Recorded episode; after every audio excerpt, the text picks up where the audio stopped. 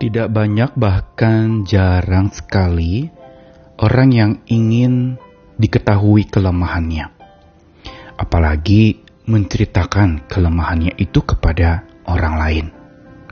Kecuali memang dia rasa kelemahannya itu sudah mengganggu, biasanya dia baru mulai mencari orang lain untuk menceritakannya atau dia menjumpai seorang rekan, sahabat yang memang dia dapat percayai untuk dia ceritakan kelemahannya.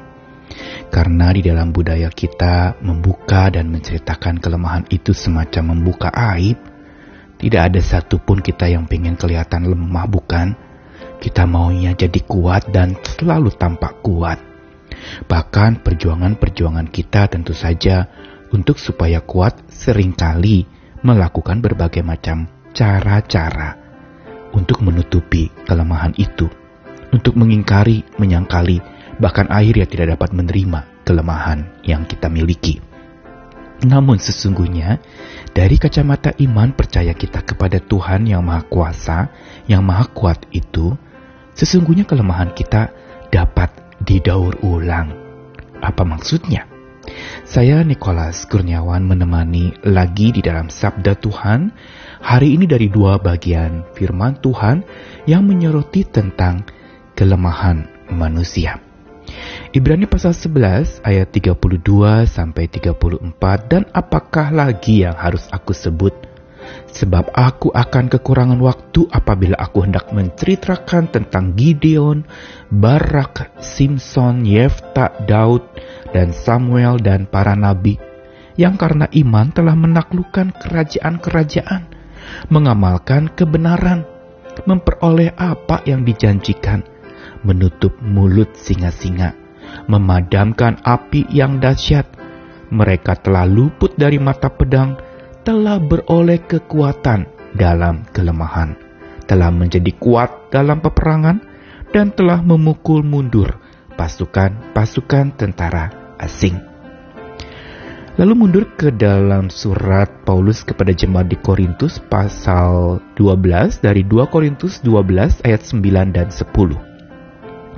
Tetapi jawab Tuhan kepada Paulus, "Cukuplah kasih karuniaku bagimu, sebab justru dalam kelemahanlah kuasaku jadi sempurna. Sebab itu terlebih suka aku bermegah atas kelemahanku, supaya kuasa Kristus turun menaungi aku. Karena itu, Aku senang dan rela di dalam kelemahan, di dalam siksaan, di dalam kesukaran, di dalam penganiayaan dan kesesakan oleh karena Kristus. Sebab jika aku lemah, maka aku kuat. Inspirasi firman Tuhan mau mengajarkan tentang bagaimana orang percaya yang beriman kepada Tuhan menyoroti kelemahan dirinya di dalam 2 Korintus tadi, sebenarnya awal mula Rasul Paulus, hamba Tuhan itu, minta untuk kelemahannya disingkirkan. Minta untuk duri dalam daging itu dicabut dan jangan lagi menguasai dia sampai dia mengalami kesulitan dan pergumulan yang sangat berat. Tetapi Tuhan rupanya mengatakan untuk tidak mencabut itu dan menjawab malah sebaliknya, tapi sekaligus menjadi prinsip iman yang kuat. Cukup kasih karuniaku bagimu, justru dalam kelemahanlah kuasaku jadi sempurna. Apa yang Tuhan katakan kepada Rasul Paulus? Mau beritahukan bahwa justru dalam kelemahan kuasa Tuhan jadi sempurna. Dan itu langsung ditimpali oleh Paulus dengan menyatakan sebuah prinsip hidupnya. Aku lebih suka bermegah atas kelemahanku supaya kuasa Kristus turun menaungi aku dan dia tutup dengan satu pernyataan lagi di ayat 10 tadi. Aku senang dan rela dalam kelemahan, dalam kesiksaan, kesukaran, dan seterusnya, kesesakan oleh karena Kristus. Sebab jika aku lemah, maka aku kuat. Atau dengan kata lain Paulus ingin mengatakan sebab jika aku lemah, maka kekuatan Tuhan akan makin terasa di dalam hidupku. Dan di dalam Ibrani juga tadi dikatakan bahwa Orang-orang yang beriman, Ibrani pasal 11 itu deskripsi tentang karena iman maka ada orang-orang yang bisa melakukan langkah-langkah yang tidak mudah tetapi mereka berhasil melaluinya. Dan di sini ada garis bawah dalam ayat 34 tadi. Mereka, orang-orang beriman, tokoh-tokoh pahlawan iman di dalam perjanjian lama, itu dikatakan luput dari mata pedang. Tapi selanjutnya ini kalimat yang kuat sekali. Telah beroleh kekuatan dalam kelemahan. Tidak dikatakan bahwa orang yang beriman itu akan atau telah beroleh kekuatan, titik tidak. Tapi dikatakan dalam kelemahan. Yang berarti apa yang mau dikatakan dalam penulis surat Ibrani ini adalah bahwa orang yang beriman bukan berarti dia tidak pernah lemah tapi justru dia menjadi kuat di dalam kelemahan. Orang beriman bukan mengingkari kelemahannya. Orang beriman juga bukan menyangkali bahwa dirinya punya kelemahan. Kalau tokoh-tokoh yang disebutkan di atas tadi dalam ayat 32 ada Gideon, sosok yang lemah yang mengalami ketakutan sampai dia bersembunyi. Ada Simpson yang juga tokoh yang lemah yang dalam gurauan yang akhirnya dia sebenarnya menjadi bumerang melukai diri sendiri sampai dia mengalami kematian.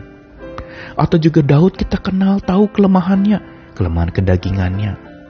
Dan kita lihat ada banyak lagi para nabi yang disebutkan itu. Mereka punya kelemahan. Tapi justru karena iman mereka beroleh kekuatan dalam kelemahan. Pertanyaannya adalah, bagaimana Rasul Paulus dan pahlawan-pahlawan iman itu bisa berdamai dengan kelemahannya? Apa yang mereka alami mata iman memampukan mereka untuk justru mendaur ulang kelemahan yang mereka miliki menjadi kekuatan oleh kuasa Tuhan.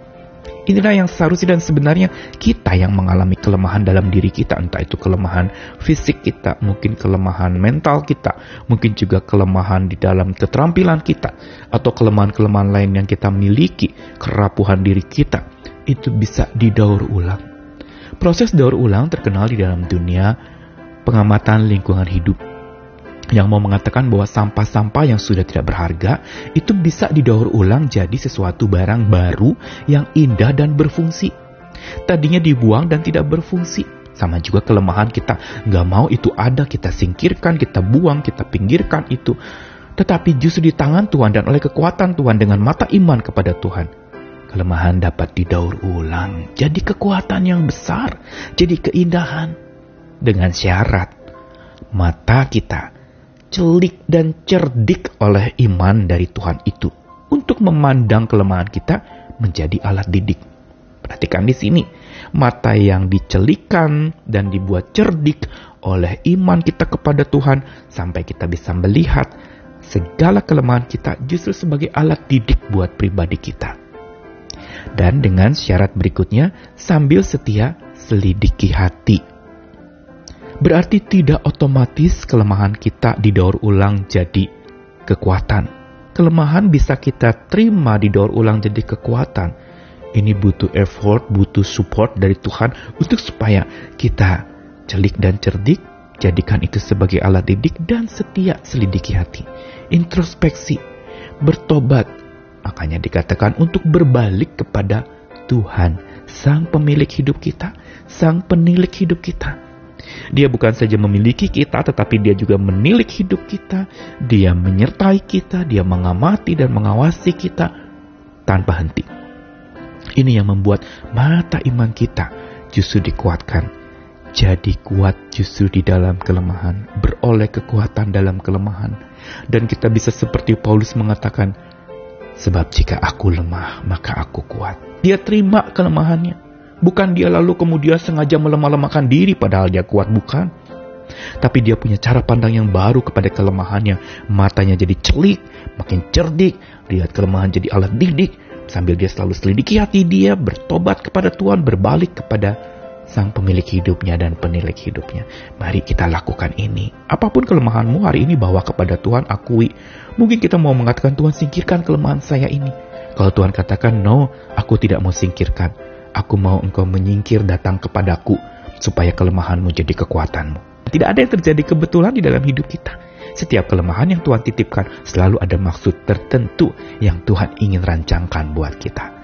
Selamat mendaur ulang kelemahanmu, selamat mengalami berulang-ulang kekuatan Tuhan dan kasih setianya.